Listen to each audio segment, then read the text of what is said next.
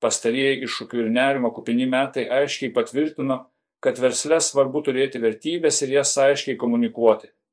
Nors pagrindinės tendencijos - dėmesys tvarumui, žmogaus teisėms ir įvairoviai, rūpestis savo bendruomenėmis ir darbuotojais pastaraisiais metais nesikeičia, verslai vis dažniau siekia ne tik deklaruoti savo vertybės, bet ir jas ginti. Geras to pavyzdys buvo plačiai ir jau nekarta aptartas verslų susitelkimas ir reakcija į karą Ukrainoje. Verslas ir prekės ženklai ne tik parodė, bet ir įrodė, kad gali konkuruoti ne tarpusavyje, bet viešo socialinio gėrio laukia ir jų pastangos neštų bendrą naudą visuomeniai. Socialinės atsakomybės rytis dažnai virsta konkurenciniu pranašumu, kuriame laimi visi - ir verslas, ir visuomenė kokia verslo reakcija į pasaulio futbolo čempionatą Katare. Šiuo metu galime stebėti prekių ženklų akistatą su kontroversišku pasaulio futbolo čempionatu, kuris vyksta Katare. Dalis prekių ženklų, tarp kurių Virgin Atlantis Hummel, Dolingo ir kiti, įvairiais veiksmais kritikavo svarbiausias futbolo pirmenybės. Savo viešumo galę verslas renkasi išnaudoti tam, kad parodytų rimtas žmogaus teisų pažeidimų ir diskriminacijos problemas Katare bei galimos korupcijos tarptautinėse futbolo organizacijose apraškas. Šie pavyzdžiai rodo, jog komunikacija ir realūs veiksmai yra veiksmingas derinys, siekiant išviešinti opes problemas. Matome, kad visame pasaulyje vis dažniau verslo socialinės atsakomybės iniciatyvos siejasi su įvairove, įtrauktimi ir žmogaus teisų užtikrinimu. Ši tema taip pat atsiduria daugelio politinių diskusijų dėmesio centre. Neligybės darbo užmokesčio srityje ir ekonominės naštos, tenkančios darbuotojams, pripažinimas yra nauja įmonių socialinės atsakomybės tendencija, pavyzdžiui, atotrukio tarp vyrų ir moterų atlyginimų mažinimas. Didesnis dėmesys šiai ir kitoms su lyčių lygybė susijusioms socialinėms problemams skatina verslus garsiai kalbėti apie savo atliekamus neligybės ir atskirties mažinimo žingsnius. Tačiau svarbu, kad ta komunikacija būtų apie realius veiksmus, kurie prisideda prie pozityvaus pokyčio. Šioms temoms vis didesnį dėmesį skiria ir Lietuvoje veikiantis verslas. Pavyzdžiui, Svetbank įgyvenino šimtus tūkstančių žmonių įtraukusius projektus Mokonomika ir 17, kuris supažindino su 17 jungtinių tautų darnaus vystimosi tikslų. Taip pat remia nacionalinių lygybės ir įvairovės apdovanojimus palaiko baltitspirde renginius ir daugelį kitų iniciatyvų ir veiklų. Geopolitinės audros neišmuša verslo iš žaliojo kurso. Kalifornijos valstijos universiteto mokslininkai Romelo Salvador ir Alex Burcega 2019 metais savo tyrime nustatė, jog įmonės orientacija į žalį į kursą skatina jos darbuotojų socialiai atsakingą elgesį. Tai rodo, jog tvarumas tampa vis svarbesnė tema bei daro teigiamą pokytį ne tik įmonių viduje, bet ir visuomenėje. Įmonės imasi vis aktyvesnių veiksmų klimato kaitos padariniams sumažinti ir šioje srityje susikerta net kelios verslų socialinės atsakomybės tendencijos. Apklausa JTV parodė, kad 8 iš 10 žmonių yra susirūpinę dėl tvarumo ir aplinkos ateities. Taigi, vartotojams norint gyventi tvariai, prekių ženklai gali padėti jiems tai pasiekti. Tam reikia iš naujo įvertinti verslų rinkodaros iniciatyvas per tvarumo socialinės atsakomybės prizmes ir skaidriai to siekti. Šiame kontekste ir vėl turime prisiminti pasaulio futbolo čempionatą Katare. Organizatorių teigimu, tai yra pirmoji klimatui neutrali pasaulio taurė, tačiau vis daugiau ekspertų abejoja tokiomis deklaracijomis.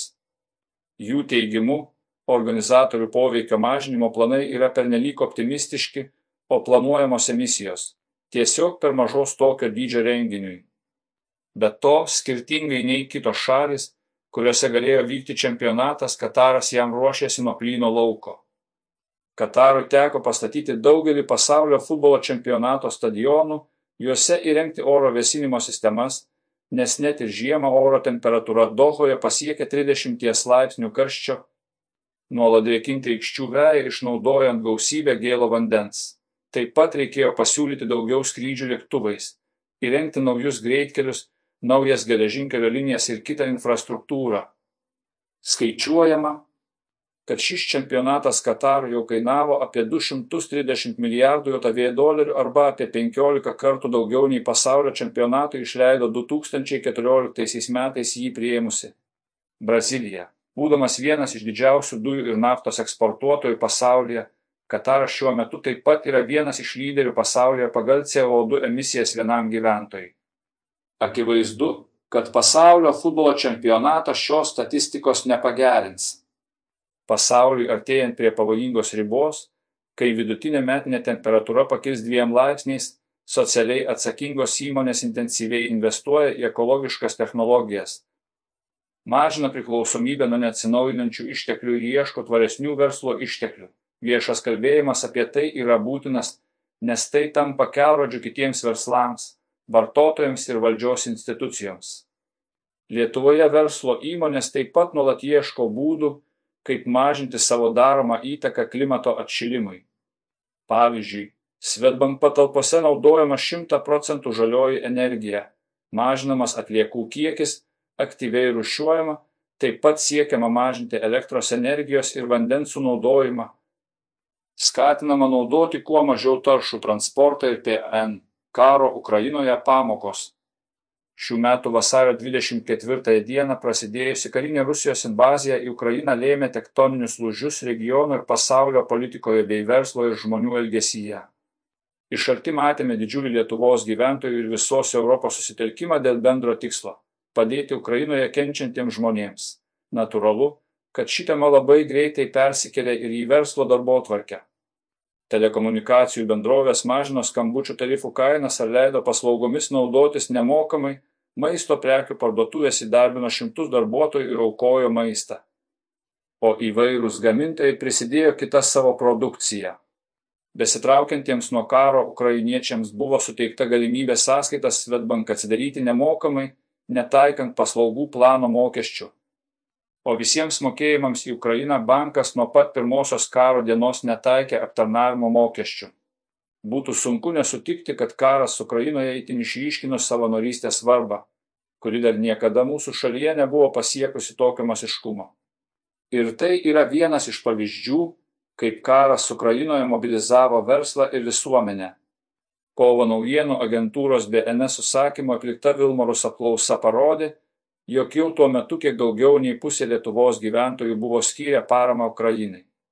Nuo karo kenčiančiai šaliai pinigus ir būtiniausius daiktus aukojo visų socialinių padėčių žmonės, nepaisant jų gyvenamosios vietos, lyties ar amžiaus. Karas Ukrainoje parodė, jog bendruomenė sugeba dalintis, kai to reikia labiausiai. Visuomenės ir verslo atsakas buvo greitas ir savo apimtimis beprecedentis. Skirtingi verslai surėmė pečius vardan visiems mums svarbių tikslų, įrodydami, kad tokia bendrystė yra verslo socialinės atsakomybės ateitis. Nors tendencijos socialinės atsakomybės rytyje greičiausiai išliks panašios, visgi keisi žmonių lūkestis ir santykis su verslu. Tikėtina, kad visuomenė ir klientai dar labiau pasitikės verslu, kuris stovi kartu su jais, kovoja už bendras vertybės ir prisideda realiais veiksmais. Ir priešingai visuomenė baus tuos verslus, kurie dvėjoja yra pasiklydę pilkojoje zonoje ir nereaguoja į visuomenės nuotaikas ir lūkesčius